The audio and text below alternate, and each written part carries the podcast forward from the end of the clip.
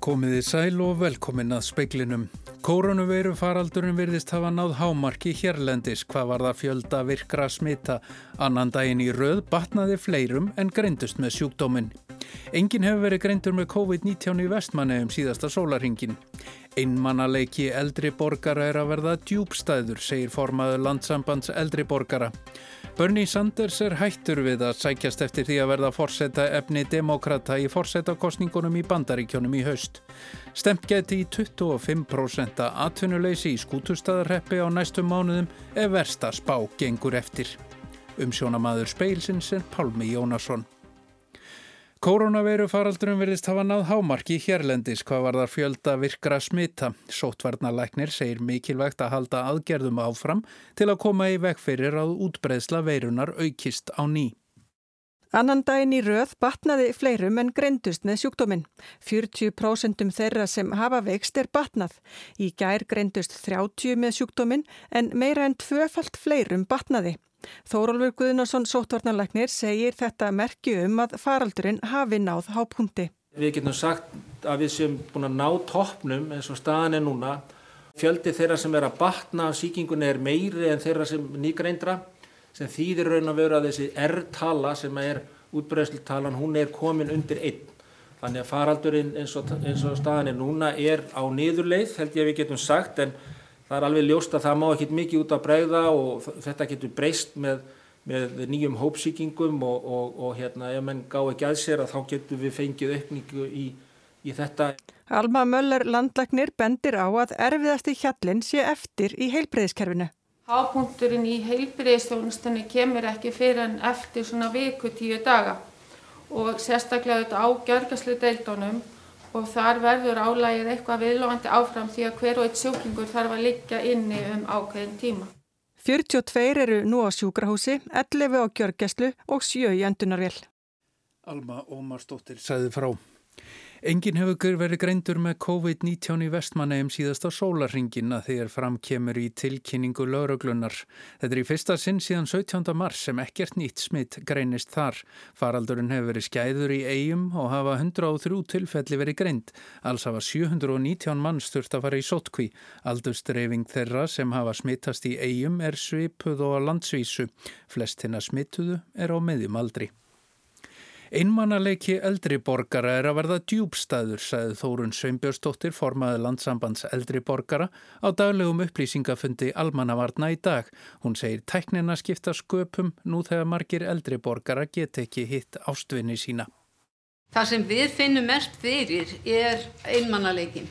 Hann er að verða daldi djúbstæður, hættulegur og það kallar á aðgerðir. Hér á landi verðum að bretta upp ermar og sinna okkar nánustu betur. Það er bara engi spurning. Talið var skinsamlegt að hafa fyrirvara á kjærasamningi við starfsmenn Rio Tinto um að nýr raforkursamningur takist við landsverkjun. Þetta segir Haldur Benjamin Þorbergsson, framkvæmdastjóri samtaka atvinnulífsins. Í kjærasamningnum er kveðið á um að hann falli úr gildi 30. júni ef viðraði Rio Tinto við landsverkjun um nú gildandi raforkursamning skila ekki árangri. Forstjóri landsvirkjunar furðaði sjá því í gær að Rio Tinto hafi skilirt kjærasamninga við starfsmenn sína og formaði verkalýðsfélagsins lífar saði Rio Tinto að ákveðnuleiti beita starfsmönnum fyrir sig í baráttu fyrir betri raforkusamningi. Bandaríski öldungadeildar þingmaðurinn Bernie Sanders sem barist hefur við Joe Biden fyrirverandi var að forseta um að verða forseta efni demokrata fyrir forseta kostningarnar í höst er hættur við frambóð. Þar með er endanlega ljóst að Biden verður í frambóði gegn Donald Trump í kostningunum. Bernie Sanders tilkynnti starfsmönnum frambóð síns þetta á símafundi í dag. Hann var í fóristu lengi vel og virtist í februar vera nálat við að tryggja sér tilnefninguna en Biden ógst þá verulega ásmegin og vann hvern segurinn á fætur öðrum í forvali ríkjana. Staða Sanders var því orðin von lítil. Sýteðis ávarpaði þingmaðurinn stiðningsfólk sitt frá heimili sínu í Burlington í Vermont. Hann sagði að staðan í baróttunum við bætin hafi verið orðin slíkað útilokað hefði verið að snúa tablinu sér í veil. Eins og staðan væri í þjóðfélaginu þar sem óhæfur fórseti vildi eða gæti ekkert gert þjóðinni til hjálpar hefði hann ákveðið að láta gott heita. I have concluded that this battle for the Democratic nomination will not be successful. Sanders óskaði þessu næstu Joe Biden til hamingu með að vera orðin fórseta efni demokrata. Hann væri heiðvirður maður og hann ætlaði að styðja hann í framfara málum sem hann setti á ollin í kostningabaróttinni framundan. Today I congratulate Joe Biden, a very decent man, who I will work with to move our progressive ideas forward. Biden sendi frá sér yfirlýsingu sítegis þar sem hann hvaðst skilja ákvörðun mótherja síns. Hann hvati stuðningsmann Sanders til að taka þátt í baráttunni framundan þegar væru meira en velkomnir í stuðningsmannaliðið. Ásker Tómasson sagði frá. Stemt gæti í 25% atvinnuleysi í skútustæðarreppi á næstu mánuðum ef versta spá gengur eftir. Þá getu útsvarstekjur dreyist saman um 130 miljónir króna sem eru tæp 22% af heldartekjum sveitarfélagsins. Skútustæðarreppur er mjög háður afkomu ferðaþjónustunnar og óttast er að alltaf 200 stöðugildi getu tapast þar á næstu nýju mánuðum. Því hefur sveitarstjórnin skorað á ríkisvaldið að koma með sértækar viðspyrnu aðgerði fyrir sveitafélug sem sérstaklega eru háð afkomu ferðaþjónustunnar. Ákvörðun Mette Fredriksen forsætisráð þeirra Danmörkur um að opna leikskóla og hefja kennslu að nýju í grunnskólum eftir páska hefur vakið upp miklar deilur í landinu. Mette Fredriksen tilkynnti í fyrradag að leikskólar myndu opnaði nýju eftir páska og að kennsla hæfist í leikskólum og í yngstu bekkjum grunnskóla 6-11 ára. Hvis vi i fællesskab formår at holde tallene stabile, så vil regeringen fra onsdag den 15. april begynde at åbne landets vuggestuer, børnehaver, fritidsordninger og skoleklasser for de mindste klasser igen. Det gælder klassetrinene fra 0. til 5. klasse. Þessar ákvörðun er misvel tekið. Stopnuð var Facebook síða danskra foreldra sem heitir Barnið mitt á ekki að vera tilraunakanina fyrir COVID-19 og nú hafa 33.000 manns gengið til liðs við síðuna. Skilabóðin frá mentamálar á þeirra Danmerkur hafa einnig verið skýr. Börn sem ekki mæta í skólan fá skróp í kladdan. Undan þeim frá þessu er að sjálfsögðu börn sem eru veik eða búa í fjölskyldum þar sem einhver er smittaður eða í áhættuhópi. Stjórnvöld mælast til þess að kennarar og nefnendur verði sem mest utandýra á skólatíma og þegar þau þurfa að vera innan vekja skólans er mælst til þess að nefnendur og kennarar séu í tilhlýðilegri fjarlæð hvert frá öðru. Á sama tíma á stjórnvöldu Danmörku opna skólan að nýju hefur verið ákveðið að framlengja margvíslegar aðrar hömlur á samkomubann og lokanir vestlana á fyrirtækja frá 14. apríl til 10. mæ. Jóhann Hlíðar Harðarsson segði frá. Samninganefndir félags íslenskra hjókrunafræðing og ríkisins sitja enn á fundi hjá ríkisáttasemjara. Aðalsteit Leifsson, ríkisáttasemjara, segir að fundur standi fram til klukkan 7-8 í kvöld og síðan verði haldið áfram viðræðum á sama tíma á morgun eða klukkan 1. Stemt er að því að öll börn, 12 mánað og eldri, komist inn á leikskóla á Akureyri frá að með haustinu 2021. Fyrsta skoblustungan að nýjum sjödeilda leikskóla var tekin í morgun. Hann mun geta tekið við 144 börnum. Ástildir Sturludóttir bæjastjóri útilokkar ekki frekar í framkvendir. Tilbóði hljóður upp á rúmar 800 miljónir þannig að við erum með, með gott tilbóð og við teljum að, að þetta sé bara góð verð sem við erum að fá á þessum tímum. Er vonu á einhverjum fleiri framkvæmdum nú þegar þetta ástand er í, í þjóðfélaginu? Já, það er verið að endurskoða framkvæmda áallun. Bæjastjórn öll saman er að endurskoða framkvæmda áallun og, og kannakort að sé hægt að ráðast í fleiri verkefni. Þannig að við getum alltaf sátt vonu á fleiri skoblustungum á næstu vikum og mánuðum? Ég veit ekki hvort það eru skoblustungur en, en allavegna viðhalsverkefni. Sagði ástildur Sturludóttir Óðinsson Óðinsson tók saman.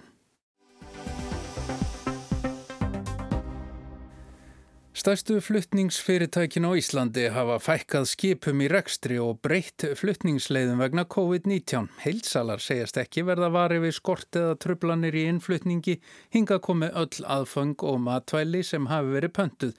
Einun nökradnir tengis kannski klósettpapir en það skrifast ekki á skort heldur aukna eftirspurn. Arnildur Haldónadóttir.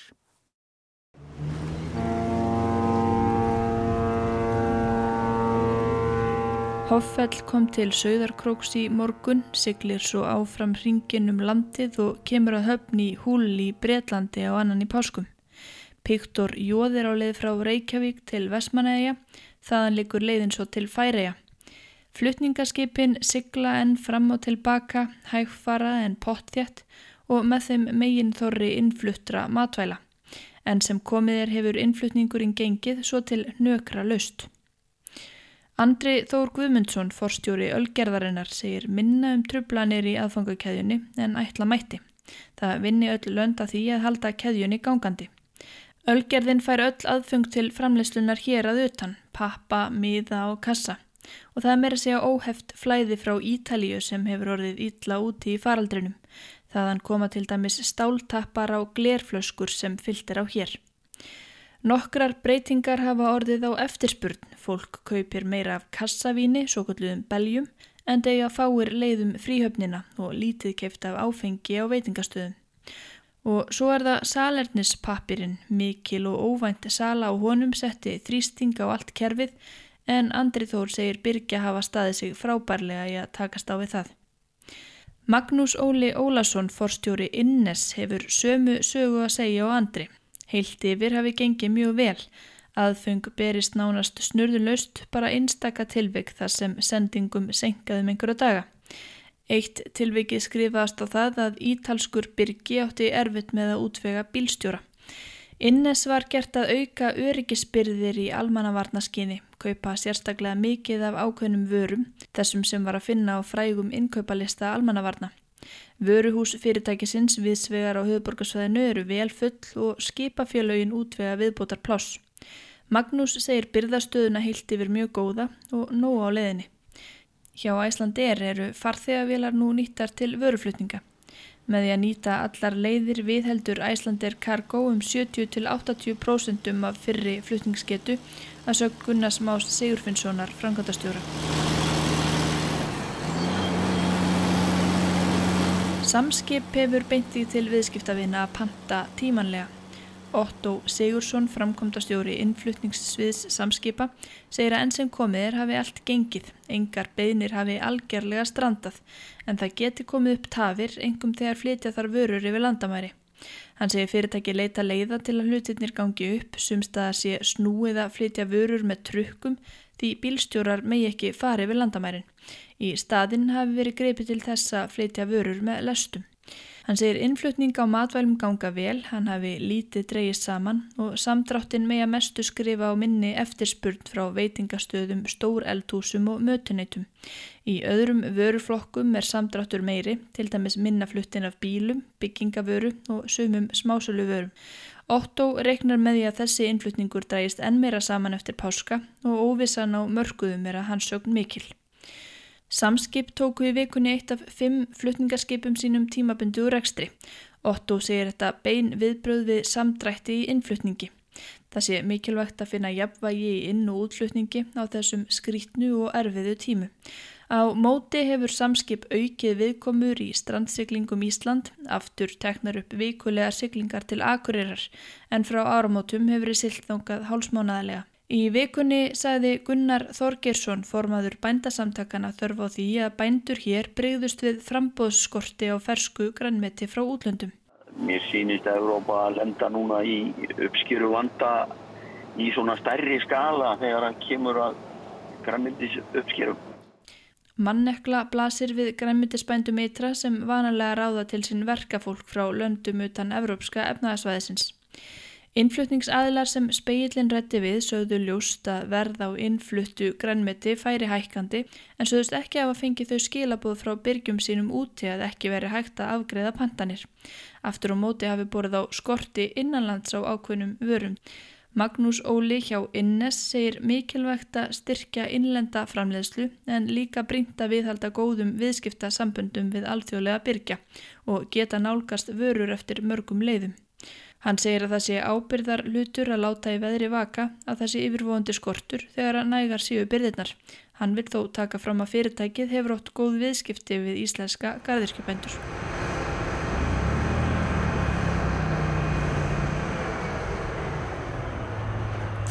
Byrðastaðan næstu mánuði virðist vera í bestafalli góð og í verstafalli ásettanleg en hvernig eru framtíðar horfurnar sumarið og haustið og kennir COVID-19 flutningsbransanum einhverjar leksíur? Magnús Óli hjá Innes segir ómögulegt að spá langt fram í tíman. Það hvernig gangi að viðhalda flæðinu í innflutningi velta stórum hluta á hvernig fyrirtækjum gangi að manna sig bæði hér og erlendis. Í landinu séu til nokkra mánada byrðir af ymsum matvælum þó meiri velturhraði sig í ferskurunni. Eins og er gangi vel og engin teikn á lofti sem að hafa þurfi áhyggjur af. Innes verslar við yfir 200 byrkja og Magnús segir fyrirtækið hafa góðan aðganga miklu úrvali kom upp vandamál við að panta einhverja vöru með í snúa sér til annars. Hann segir sögu viðskipta við sum þessara fyrirtækjan á 30 ára aftur í tíman. Það við byggst upp tröst og viðskiptavild. Og Magnús heldur að velvilji í gard Íslands reynist vel í erfiðu árferði. Það hafi komið vel í ljós í hruninu þegar að margir matvælaframleðendur ætluðu reynlega að strika Ísland út af listanum. Þá hafi þessir byrjar staðið með þjóðinni og Magnús segist fullviss um að það gerir þeir aftur verði þess störf. Sumir segja að draga þurfi lærdóm af COVID-krísunni. Það þurfa einfalda og styrkja aðfangakæðjur þannig að áfalli einu landi, til dæmis rekstarastöðunin í Kína eða tröflun í ákveðnum geira, svo sem skortur á flutningabilstjórum í Evrópu, setja ekki allt úr skorðum. Keðjan hafi verið strömlínu lögð í drast, lagerhald, minkað, allt til að tryggja sem mestan efnaðaslegan ávinning en áhættan vaksið að sama skapi. Þá telja sumir ástandið áminningu um að þjóðir þurfa að framleiða meira af nöðsynja vörum sínum sjálfar. Andri Þór hjá Ölgerðinni segir verðt að staldra við og íhuga hvort innfalda þurfi keðjurnar en að það hafi komið honum á óvart hversu vel hafi gengið, að vörur skuli flæða óhindrað frá svæðum eins og Ítalju. Hann hefur ekki áhyggjur af matvælauriki en telur að huga með því að styðja betur við bakið á íslenskri framleiðslu og horfið þar til vist spors af flutningum og þessa standa vörðum störf hérlendis. Ástralski kardinálinn George Pell sem dæmdur var til fangavistar fyrir barnanýð var í gæri látin laus eftir að hæstiréttur Ástralju snýri dómi undirréttar og síknaðan af öllum ákærum. Pell var fjármálastjóri Pávagards og sem slíkur þriðji maður í virðingaröð kathólsku kirkjunar.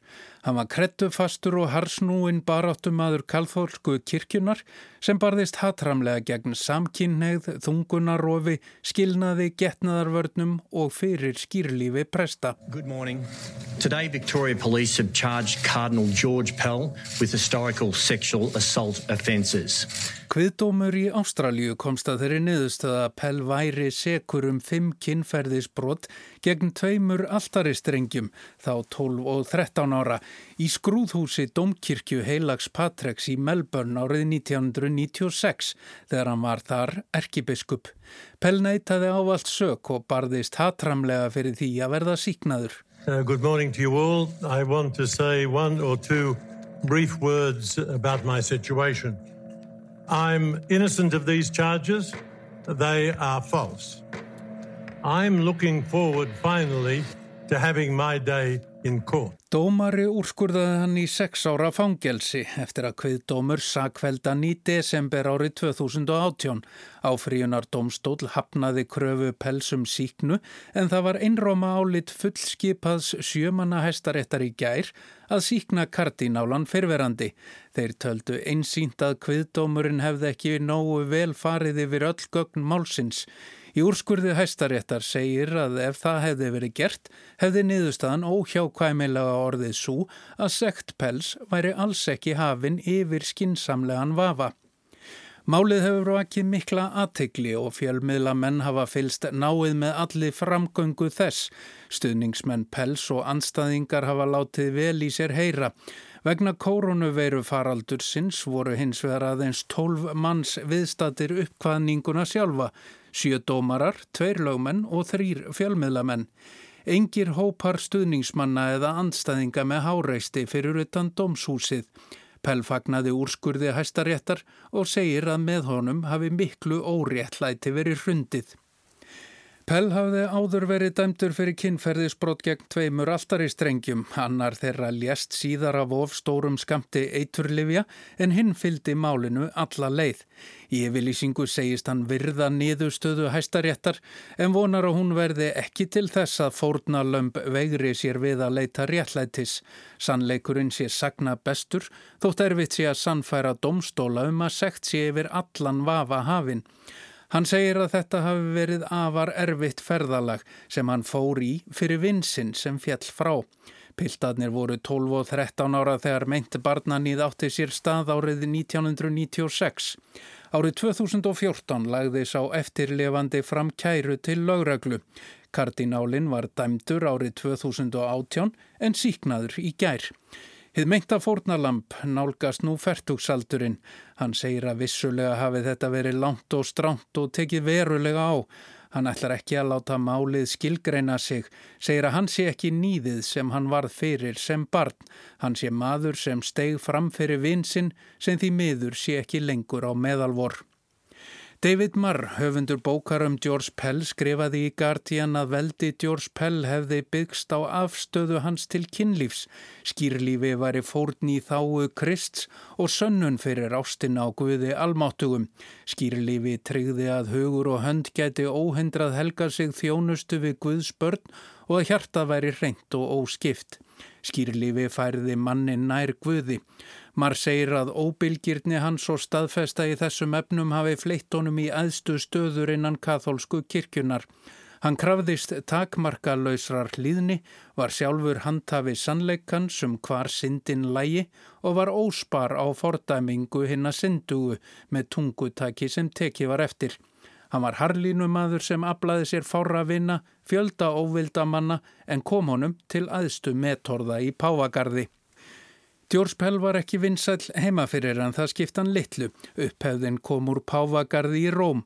Samhliða var hann í mörgum líkil nefndum Pávagarðs sem hertu mjög á íhaldsemi kirkjunnar og þar fór Pell fremstur í flokki. Sérstaklega var hann harðsnúin í garð samkynneðra. Frami hans var skjótur, hann var fluttur til Sydney og síðar skipaður kardináli.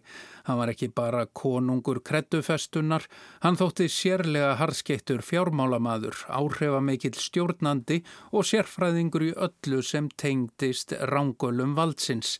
Ekki skiptu minnstu að engin stóð honum framar í að útvega kirkjunni fjö frá stjórnvöldum.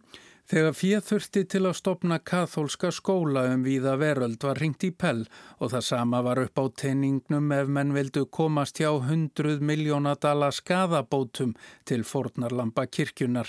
Hann var líkilmaður í að tefja eða koma í vekk fyrir rannsóknir á barnanýði kirkjunar þjóna. Málið gegn honum sjálfum endaði með síknu. Sektans var ekki hafin yfir allan vafa.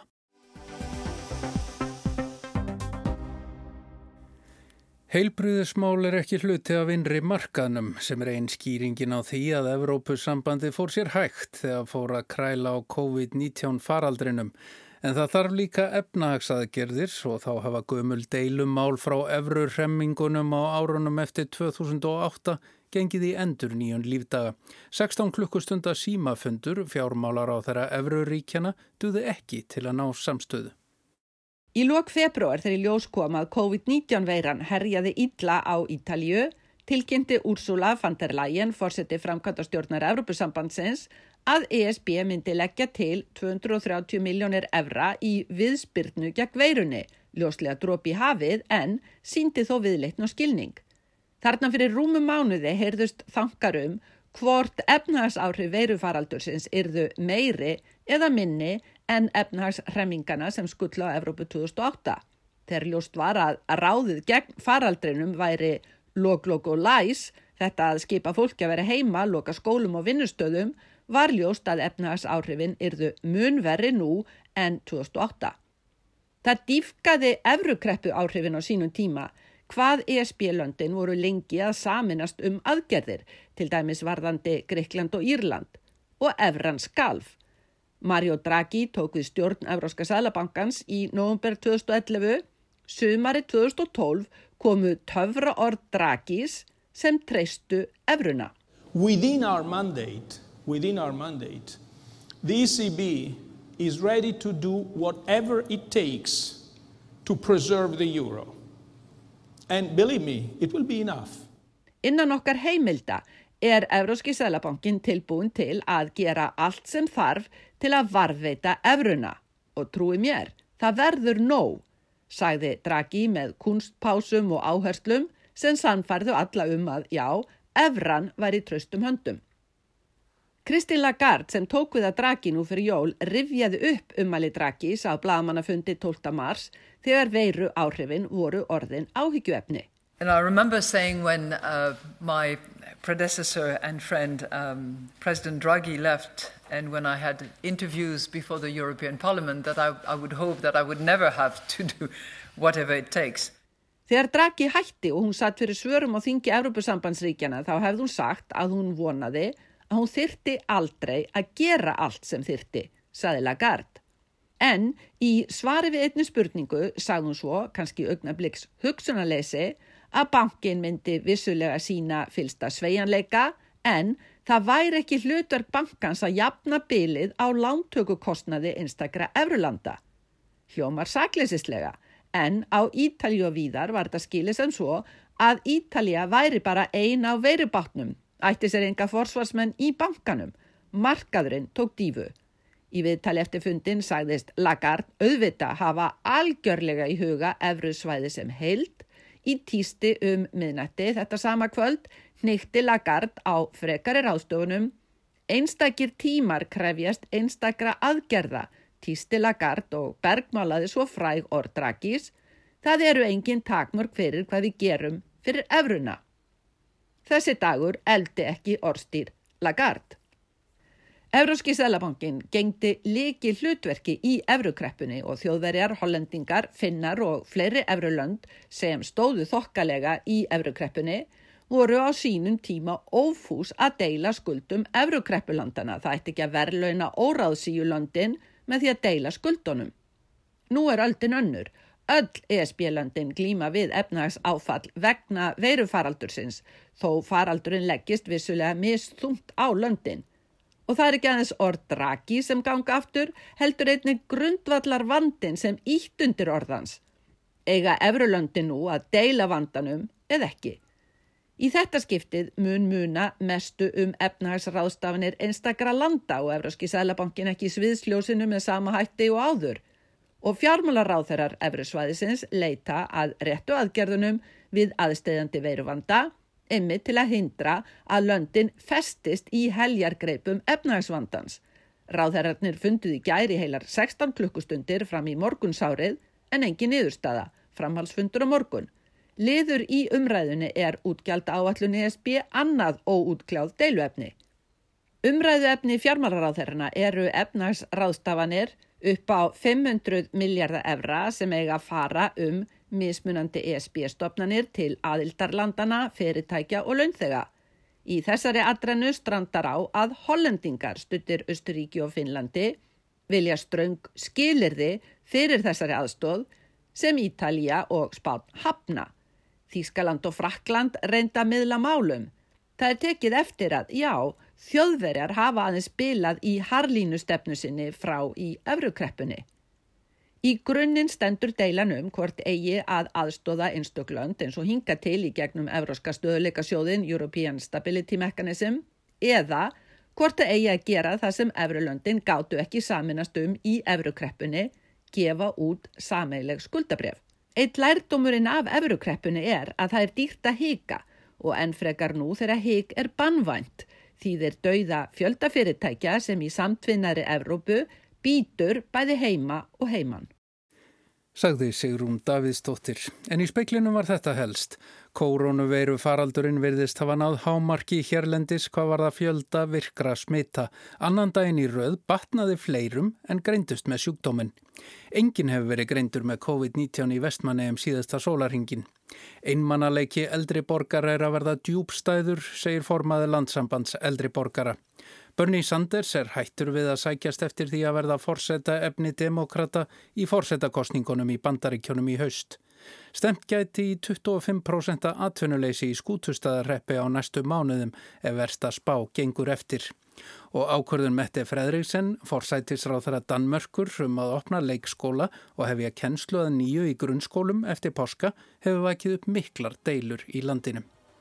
Það er ekki fleira í speklinum. Tæknimaður í útsendingu var Jón Þór Helgason. Verðið sæl.